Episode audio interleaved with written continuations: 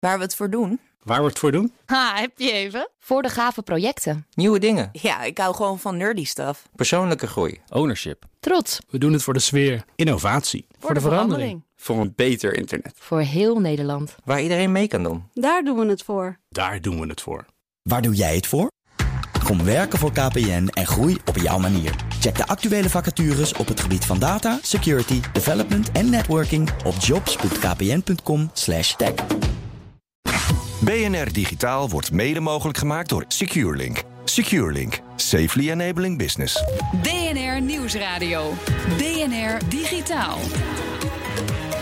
Thomas van Groningen. Ja, welkom bij BNR Digitaal, het techprogramma van BNR. En als je een hekel hebt aan online advertenties, dan kunnen adblockers een uitkomst bieden. Maar na Google is ook Apple bezig met aanpassingen in zijn browser, waardoor adblockers beperkt of zelfs helemaal niet meer werken. Met één verschil, waarbij Google iedereen op zijn achterste benen stond, ja, lijkt er bij Apple geen haan naar te kraaien. Daar praten we over met Jasper Bakker. Hij is ICT-journalist bij AG Connect, of AG Connect, wat zeg ik? AG Connect, AG Connect, goed. En bij ons is ook Christian Schafner. Hij is onderzoeker bij QSoft en universitair hoofddocent aan de Universiteit van Amsterdam. Heren, allebei welkom. Jasper, we beginnen even bij jou. Eh, Hoe kan dit nou? Adblockers, ze waren er zo blij mee. Surfen zonder reclame, relaxed. En nou zeggen die browsers, dat eh, willen we eigenlijk niet. Ja, het is eh, een beetje een perfect storm. Eh, enerzijds het commerciële belang van natuurlijk wel advertenties. Want laten we even niet vergeten, Google, iedereen noemt een zoekmachine. Maar het is natuurlijk een ads-machine. En zoeken is een middel. En Gmail is een middel, et cetera. Google is een reclamebedrijf eigenlijk. Eigenlijk wel, ja. Precies. Of haar reclame faciliteerder, reclameplatform. Hm. Apple wil die rol ook. Heeft lang geleden ook een eigen ads-netwerk gelanceerd. Maar dat is het nog niet helemaal geworden, om het even lief te zeggen.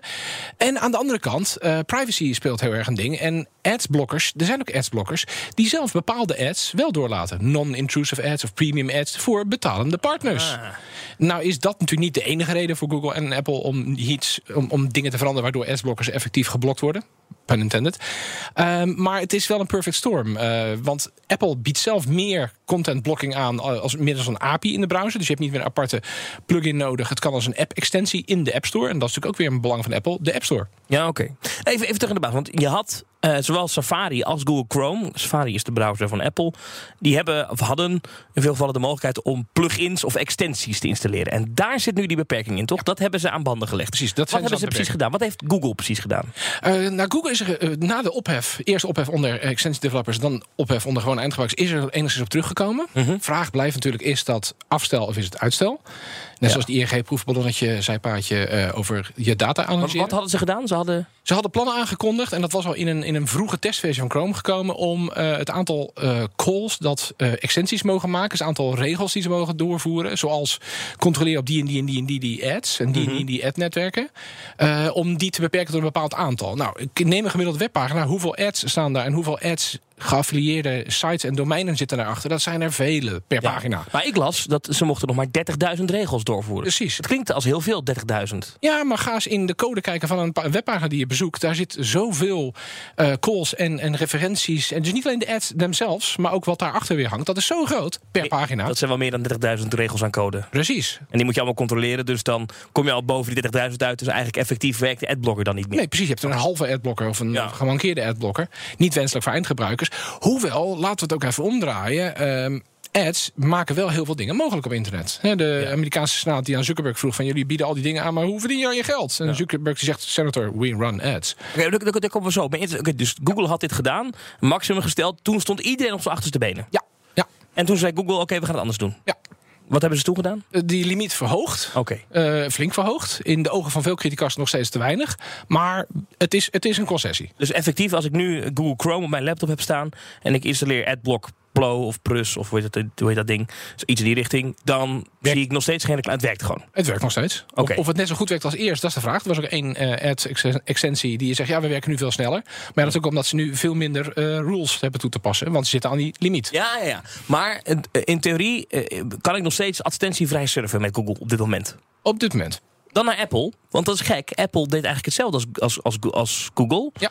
Beperkte ook de adblockers. Ja. Hoorde je niemand? Krekels. Hoe Ja. kan dat toch? Nou, ehm, ik denk voor de vuist een paar factoren. Eén, eh, misschien wel timing. Iedereen was bezig met boos zijn op Chrome. En, en Apple gaat het ook doen. Wel Apple lang geleden al wel aangekondigd heeft. Maar iets aankondigen, iets uitvoeren, iets merkbaar krijgen... er zit natuurlijk ook een, een tijdspas tussen. Ja. Wanneer breng jij een slecht nieuwspersbericht uit? Op vrijdagmiddag als hij aan de borrel is. Dat idee. maar wat natuurlijk ook kan. ehm, ik wil niet gelijk zeggen Stockholm-syndroom, maar Apple-gebruikers zijn al jaren wel gewend. Het is de Apple way or no way. Dus als Apple iets gaat doorvoeren, kun je wel protesteren, maar dan ga je, dan ga je toch naar Android? Of ga je naar Windows? Ja. En dat is met ecosysteem is dat heel moeilijk. He, Ja. Theoretisch kun je overstappen, maar dan ben je heel veel apps kwijt. Je bent eh, iMessage kwijt. Je vrienden zien ineens een ander kleurtje als jij een, eh, een berichtje stuurt. Oh, je is op Android. Hm. Ja, ik kan me ook voorstellen dat misschien de Safari-gebruiker wat minder tech-savvy is dan de Chrome-gebruiker. Want Safari is natuurlijk de standaard voor geïnstalleerde browser, of is Ja. dat te simpel gedacht? Nou, deels wel waar. En deels ook wel. eh, Chrome is ooit juist begonnen als de belofte van dit is de flexibele, uitbreidbare browser. browser. Safari is begonnen als dit is de browser die je meekrijgt bij je Mac. Ja, ja die, zit, die zit er standaard in. Ja. Ja. Even nu, als ik nu eh, mijn Apple eh, MacBook eh, opstart en ik ga in Safari surfen en ik, ik wil daar een adblocker inbouwen, doet hij het dan of niet? Ehm, ik weet niet of het nu al aan de orde is. Maar het, we zitten nu op een kant op het moment. Eh, maar aan de andere kant, Apple heeft dus zelf wat blocking dingen ingebouwd. Die nog vrij bazaal zijn. Ja. Het is net zoals de antivirusbescherming die Apple op een gegeven moment in macOS heeft opgenomen. Het is bazaal, maar het is een beginnetje. Dus ik denk dat je nu in een interbellum zit. Maar waar komt dit vandaan? Want eh, je zegt het al, het internet eh, heeft ook heel veel te danken aan het feit dat er reclame te zien is. Ja. Daardoor kun, kun- kan veel betaald worden. Toch zijn er heel veel mensen die met een adblocker surfen. Dus we vinden het allemaal massaal irritant. Ja. Ehm, hoe, hoe gaan deze discussies bij Apple en Google? Ja, moeten we nou wel of niet die reclames tonen? Ja, ik denk in, in, in de brede zin, om, om, je vraag niet te ontwijken, maar ik kom er zo op. Ja. Eh, op het antwoord. Eh, In de brede zin heeft de tech-industrie veel te danken aan ads, maar te ver doorgeschoten. De, de, tech-industrie heeft een adsverslaving, heb ik ook net al geblogd eh, deze week op, op AG Connect. Ehm, het is namelijk met. Met ads valt er meer en meer meer te verdienen. Als je maar verder, verder, verder gaat. Als je maar meer data vergaart, meer persoonsprofielen aanmaakt, et cetera. Ehm, en dan ga je dus ver voorbij. En dan krijg je ergernis. Weet je nog, een paar jaar geleden al pop-ups op sites. Oh, verschrikkelijk. En Firefox en daarna Chrome, dat waren de browsers die, die blokkeren pop-ups. Iedereen blij. Ja, maar nu krijg ik weer pop-ups. U gebruikt een adblocker. Precies. Of je, of je krijgt nu pop-ups binnen je adblocker die bepaalde premium partners weer wel doorlaat. Ja. Het verdienmodel is, het is te scheef getrokken, denk ik. Nou, hoe dan de gesprekken bij Apple en Google gaan, ik denk redelijk tegengesteld. Google is namelijk een reclameplatform. Dus ik denk dat de gesprekken daar toch gaan van hoe kunnen wij ads brengen die niet te erg zijn, maar ze ook niet helemaal tegenhouden. Want ja, het, het is wel het verdienmodel. En zoals Google en ook Facebook zegt, wij willen zo breed mogelijk beschikbaar zijn voor iedereen. Niet iedereen die 900 euro kan betalen voor een, of, of meer dan 1000 euro voor een, een apparaat, een iPhone of een MacBook. Ja. Ja, dat is een heel ander verdienmodel. Bij Apple gaat de discussie meer over hoe kunnen wij mensen verleiden om ons apparaat te kopen, waarop wij ook diensten bieden. Ja. Dus misschien meer. En Apple laat zich heel erg voorstaan op privacy en bescherming van privacy. Eh, dus dat is een, een bijna tegengestelde insteek. ja. Kan Google ermee wegkomen door te zeggen... we blokkeren alle niet-Google-advertenties? Komt daar echt daar komt gedoe van? Als dat Daar komt een hoop gedoe van. Ja, Daar want daar, lijkt, daar leek het toch wel even op. Alsof de, want ze hadden het dan over, ja, de, de niet-intrusive advertenties, die, eh, die halen we eruit. Maar ja, ik moet zeggen, de Google-advertenties, dat zijn vaak van die, ehm, die, die, die vakken die lijken dan op de contentvelden van een site zelf. Of die lijken Ja, op een zoekschermpje. Die zijn op zich niet heel irritant. Nee, nee. Dus die laten ze dan wel door. Maar die van de concurrent, die dan Gaston van de staatsloterij, die door je scherm heen komt rennen, die wordt dan wel uitgefilterd. Ja, maar dat is ook weer het lastige. Weet je, advertentie van Google is die van Google. Google biedt die positie aan. Wat er in die positie staat, dat bepaalt de adverteerder. Dus is dat een knipperende gif met allemaal lampjes? Ja. Daarvan zegt Google op ja, hij doet dat nou maar niet meer. Oh. Dat is te irritant. Maar het is niet Google zelf die dat doet. Dus het is ook weer een vorm van, we faciliteren het, maar we doen het niet. Is dat handen aftrekken of is dat laissez-faire? Hm, Hmm, lastig. Wie heeft hier nou baat bij? Bij eh, het- het weghalen van die, die, die mogelijkheid tot die adblockers? Ik hoop op de lange termijn de eindgebruiker. En ik hoop dan indirect ook de tech-industrie die een beetje mag afkicken van die adsverslaving. Of dat echt zo is, ja, laat ik, laat ik nu even optimistisch zijn. Laten we hopen op de lange termijn de eindgebruiker. Ehm, eh, hoe zie je dat eh, vanuit de oogpunt van de veiligheid? Is dat niet ook een argument dat, eh, dat, dat, dat ads wel vaak een invaldeur zijn voor, voor malware, bijvoorbeeld? ja. Ja, vraag van. Christian Stafner is dat. Die gaan we zo mee praten over quantumcomputers. Heb je een antwoord, eh, Jasper? Nou, eh, ja, een tweeledig antwoord. Eh, Zowel de ads kunnen malware brengen, eh, maar ook eh ad-extensies, of extensies überhaupt kunnen malware brengen. Er zijn genoeg gevallen bekend, soms van geografische locatie omzeilende VPN-appjes om toch Netflix VS aanbod te kunnen kijken. Oh, die ja. ja. Ja, precies. Je weet welke ik bedoel. Die beren. Eh, voor research. Ja, precies. Maar die kunnen soms ook een ingang zijn van malware. Of kunnen succesvol zijn en dan overgenomen worden door een externe partij die er andere plannen mee heeft. Want zo'n extensie, en dan, dan komen we op een punt waar Google en Apple redelijk bij elkaar in zijn. Zo'n extensie heeft veel mogelijkheden. Zo'n extensie moet mee kunnen kijken met alles wat jij bezoekt om de ads te kunnen blokkeren. Ja. Dat klinkt als een verdienmodel van een sociaal netwerk. eh, Welke gebruik jij zelf? alle- allemaal. Jij gebruikt alle adblockers? Nee, oh, wacht, ik bedoel de browsers. Nee, ik bedoel, welke adblocker gebruik je? Uh, nee, ik gebruik uh, geen adblocker behalve wat er standaard in een OS of in een browser zit. Wat dus nu aan het veranderen is. Omdat ik, ja, ik zat tot, tot voor kort nog heel erg aan het. Ja, maar ik wil niet iemand zijn verdienmodel helemaal onderuit halen. Weet je, Hmm. paywalls omzeilen om dan nou ja, degene die iets gemaakt heeft zijn salaris uiteindelijk te ontzeggen. Christian, gebruik jij een, eh, een, een, een adblocker? Uh, ja, ik, ik gebruik de Brave uh, browser. Die heeft al AppBlocker ingebouwd. Ja, ja, want vind je reclame echt irritant? Ja. en, en ook als cryptoloog vanuit het oogpunt van veiligheid vind ik uh, dat niet kunnen. Dus ik uh, probeer zo, zoveel als mogelijk te browsen zonder, zonder ads te zien. Want jij bent bang dat, dat ze je achtervolgen en je informatie opslaan? Ah, bang, bang. Weten. Ja, je weet dat het gebeurt, dus dan liever niet. Je probeert het ja. te omzeilen. Hm, ja, en, en, Brave is er ook bezig met uh, alternatieve modellen om je wel te laten betalen voor content, maar niet door middels van ads en het, het, het minen van jou als persoon. Precies. Ja. Goed, nou, eh, dankjewel voor Over nu. Naar de reclame? Ja? Over naar de reclame? Ja, dat wou ik net zeggen. Ja, ik dacht even, hoe gaan we dit nou blokken? Maar ik wil even zeggen, dank voor nu Jasper Bakker. Hij is uh, ICT-journalist bij AG Connect. Uh, zometeen gaan we praten over de quantumcomputer. Want Google zou met een quantumcomputer in een paar minuten een berekening hebben uitgevoerd waar de grootste commerciële computer ter wereld 10.000 jaar over zou hebben gedaan. Hoe dat zit, zometeen meer. BNR Nieuwsradio. BNR Digitaal. Welkom terug bij de BNR Digitale Tech-programma van BNR Nieuwsradio. Met daarin Google zou een doorbraak hebben bereikt bij de ontwikkeling van zijn quantumcomputer. Dat is een berekening uitvoeren die tot nu toe onmogelijk werd geacht. En het bedrijf claimt nu quantum supremacy te hebben bereikt. Klinkt als een James Bond film, uh, maar het betekent wel degelijk iets. Uh, al wordt daar door critici sterk aan getwijfeld, die quantum supremacy. Praten we over verder met Christian Schaffner. Hij is onderzoeker bij QSoft en universitair hoofddocent aan de Universiteit van Amsterdam. En bij ons is ook nog Jasper Bakker, ICT-journalist bij AG Connect. Uh, Christian, even quantum supremacy, wat betekent dat? Ja, dus uh, misschien voordat we beginnen even um, een, uh, een, belangrijk iets. Uh, dus Google heeft dat zelf nog niet geclaimd. Hè? Nee. Waar, waarover we het hier hebben is een lek. Hè? Dus dat, dat weet, wetenschappelijke paper. Ja. Dat is dus nog niet officieel gepubliceerd. Maar dat lekte uit via de website van de NASA. Uit, ja.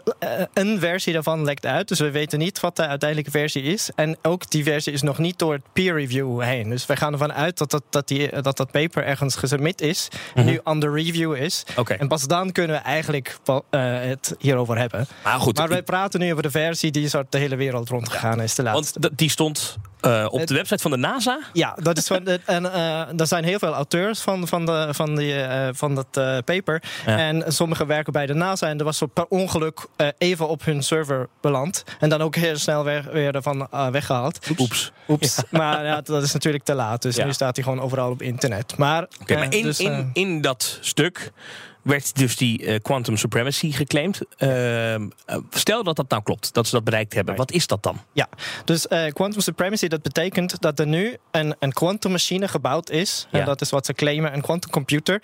Um, die iets kan berekenen waarvan we denken dat we dat met een gewone computer niet kunnen um, uitrekenen in, in, in, in, in een bepaalde tijd. Ja. Dus dat zou heel lang duren om dat op een gewone computer na te doen. Sterker nog, deze computer zou iets kunnen berekenen waar de snelste computer zoals we die nu kennen, die is van IBM uit mijn hoofd, die zou daar, IBM. Ja, die zou daar 10.000 jaar over doen. Ja, dat is wat ze claimen. Ja. Weer, dat is een claim, hè. dat moet gereviewd worden mm -hmm. of dat echt zo is. Dat zou kunnen dat er andere mensen wel een slim algoritme uh, verzinnen die op een gewone computer dat, dat sneller kan dan wat zij nu claimen. Ja. Maar uh, dat, is, dat, is, dat is hun claim. Ja, okay. We gaan even helemaal naar, naar de Jippie Janneke. Even piep, piep, piep, helemaal simpel.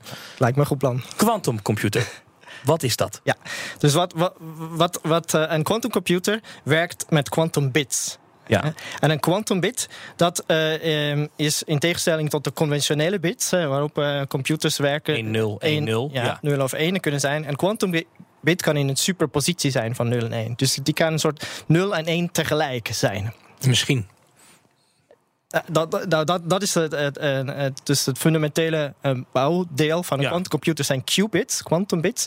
En die kunnen dus 0 en 1 tegelijk zijn. En dat opent de deur voor ongekende berekeningen.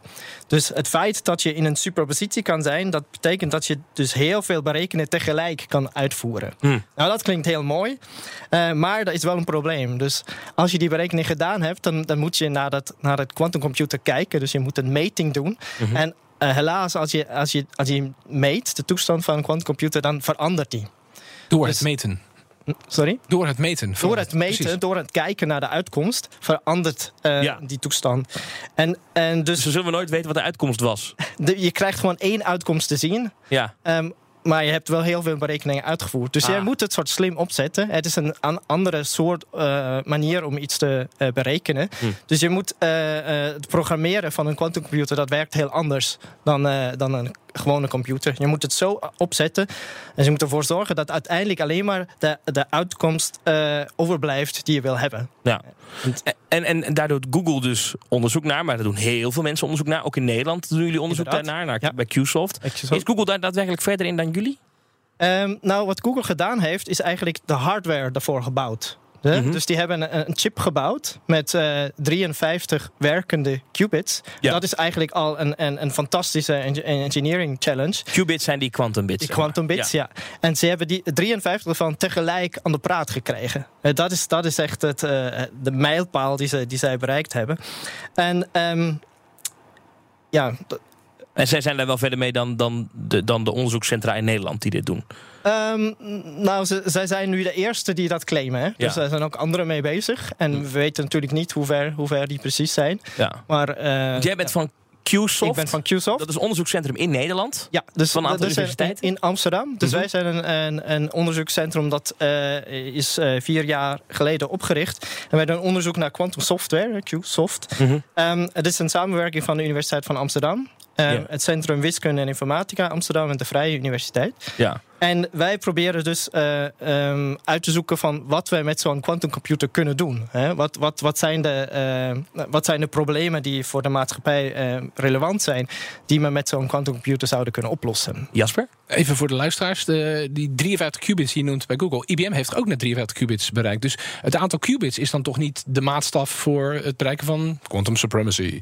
Ehm, nou, het hangt ervan af hoe goed die zijn ook. Hè? Dus, ja, juist, dus de eh, kwaliteit de, van de de qubit. kwaliteit van de qubit is ook heel, bela- eh, is ook heel belangrijk. En Google heeft gewoon hele goede qubits. Die heeft, ja, Ja. ja inderdaad. Maar, even, eh, in, in, in, wij kunnen wij in Nederland dit ook? Kunnen wij in Nederland ook eh 53 van die qubits aan elkaar hangen? Want ik heb in het verleden hebben we best vaak gehoord, ook van Nederlandse universiteiten, van nou ja, wij lopen in Nederland best wel voorop als het gaat om dat, dat, dat quantum computing. Wij hebben er heel veel kennis op dat gebied. We zijn er nog niet, maar Inderdaad. we lopen voor. Maar nu hoor ik dat Google verder is. Nou, dat, het klopt wel dat in Nederland heeft een soort unieke positie in de wereld. Dat we een lange traditie hebben zowel het bouwen van quantumcomputers als ook het ontwikkelen van Mhm. En bijvoorbeeld hebben we afgelopen week eh, die nationale agenda quantumtechnologie aangeboden. Aan de, eh, dat is aangeboden door Robert Dijkgraaf aan de, aan de, aan de staatssecretaris Mona Keizer. En daar eh, hebben we een soort plan neergezet van wat we allemaal willen doen binnen Nederland. Hm. En, ehm, en ja, die, die, die claim voor su- supremacy, dat is een soort mooie eerste mijlpaal om te bereiken. En ja, ja, die is nu geclaimd door Google. Hè. Dat moet allemaal geverif- Moet nog blijven, geverifieerd ja. worden. Ja, precies. Maar we moeten ook zeggen, ehm, dat is maar een eerste mijlpaal. Dus in de zin van wat ze echt gedaan hebben, dat is niet een nuttig probleem dat ermee opgelost wordt. Nee. Hè? Dat, wat ze, eigenlijk wat ze gedaan hebben, is ze hebben gewoon een, een random circuit gedraaid op hun, op hun eh, chip. Hm. En dan metingen gedaan. En dan wel kunnen verifiëren dat de uitkomsten goed zijn. Dus dat, dat, dat er echt kwantumeffecten eh, eh, spelen. Maar eh, dat doet per se is dat nog geen nuttig probleem. Er is gewoon een probleem waarvan we van uitgaan dat we dat op een gewone computer niet kunnen nadoen. Hè. Ja. Dus Ja, je even af- kan een beetje een mooie vergelijking is misschien eh, de luchtvaart. Hè. Dus eh, eh, 100 jaar geleden, hè, de, de, de Wright brothers, die, die hebben een vliegtuig de lucht ingekregen. Maar ja, de eerste vluchten dat was- waren maar een paar seconden. Hm. Een paar seconden vliegen, een beetje nutteloos. Maar goed, hè, en, en een paar jaar later konden ze al urenlang vliegen. En Ja. nu vliegen we gewoon de hele wereld rond. Dus je moet een beetje zo zien. Het, het is even wachten tot Google hier echt mee naar buiten komt uh, met dit verhaal. Maar tot die tijd uh, ja, zijn er toch wel heel veel vragen. Uh, bijvoorbeeld, waarom doet Google dit? Is dit een potentiële goudmijn? Als ze dit als eerste werkend krijgen en daadwerkelijk ook een toepassing voor weten te vinden, is dat dan, een, is dat dan kassa voor Google? Um, wie weet, uh, daar zijn natuurlijk anderen mee bezig ook. Ja. Um, uh, dus een, een, beetje een, een race. Ja, wie, wie, is daar eerst? Maar goed, uh, als ja, je. Is die als strijd kassen... echt heftig tussen, tussen ja, jullie? daar zijn of wel delen ook info? Dat is, ja, zeker. Dat is gewoon wetenschappelijk onderzoek. Ja. We, we, we, moeten niet meer lang wachten en dan is dat paper gewoon staat, staat op archive. Ja. Dat, dat kan gewoon iedereen downloaden en dat is gewoon publiek beschikbaar. In die zin, nou goed, ze hebben natuurlijk know-how in de lab hoe je dingen moet doen. Mm -hmm. maar, maar in principe is, uh, is, is soort, waar, waar, we naartoe werken, is de volgende mijlpaal. Namelijk wel uh, een, een, probleem oplossen met een quantumcomputer dat ook uh, van belang is voor de, voor de maatschappij. Ja, ik las ergens een voorbeeld van ja, hoe kan je een postbode die moet 50 brieven bezorgen. wat is dan de beste route? Dat zou een, een vraag kunnen zijn die deze kwantumcomputer kan beantwoorden. Dat is een voorbeeld van een uh, zogenaamd uh, op optimalisatieprobleem. He, die krijg je ook bijvoorbeeld als je uh, producten ontwerpt, een brug of een vliegtuig. Dan, dan gebruik je bijvoorbeeld die finite element method he, om te optimaliseren hoe je dat doet. Ja. En dat zijn voorbeelden waar een quantumcomputer wel versnelling kan brengen. Er zijn nog een aantal andere voorbeelden misschien die ik kan noemen van ja, waar we naartoe willen met een quantumcomputer. Het, het, eerste wat misschien meest dichtbij ligt is, is het simuleren van natuurlijke processen waar, waar die mooi uh, uh, beschreven zijn door de kwantummechanica. Dan moet je denken aan het uh, ontwikkelen van nieuwe materialen, ja. maar ook ontwikkelen van nieuwe medicijnen. Hè. Als je de interactie van moleculen bekijkt, nou, dan, daar zijn, die worden, de, de wetten van de kwantummechanica bepalen hoe dat werkt. Ja. Maar daar zijn onze gewone computers gewoon nog niet goed genoeg hè, of krachtig die genoeg om dat bijbenen, die nee. kunnen. Maar als je nu zo'n programmeerbare quantumcomputer hebt, dan kan je dat kwantumsysteem van die moleculen simuleren op jouw programmeerbare quantumcomputer. En dan misschien ook wel de oplossing voor klimaatverandering ooit. Uh, wie, wie, wie, weet. Maar uh, bijvoorbeeld hoge temperatuur, supergeleiding, het begrijpen van fotosynthese. Hè, daar zijn een aantal problemen die echt, uh, ja, waar, waar, we echt verwachten dat we, dat we beter inzicht krijgen. Heel interessant. Dankjewel, Christian Schaffner, onderzoek bij QSoft en universitair hoofddocent aan de Universiteit van Amsterdam. En ik dank ook Jasper Bakker, ICT-journalist bij AG Connect. Dit was BNR Digitaal. Terugluisteren kan via bnr.nl, onze app, iTunes, Spotify of waar jij ook naar, naar podcast luistert. Kan eigenlijk overal. Hè. Er zijn heel veel apps voor bnr.nl natuurlijk de belangrijkste. Tot volgende week. Ook Hugo Reitsma vind je in de BNR-app. Superhandig die BNR-app. Je kunt alle programma's live luisteren, breaking nieuwsmeldingen. Je blijft op de hoogte van het laatste zakelijke nieuws. En je vindt er alle BNR-podcasts, waaronder natuurlijk de belangrijkste, Boeken zijn in de wijk. Download nu de gratis BNR-app en blijf scherp.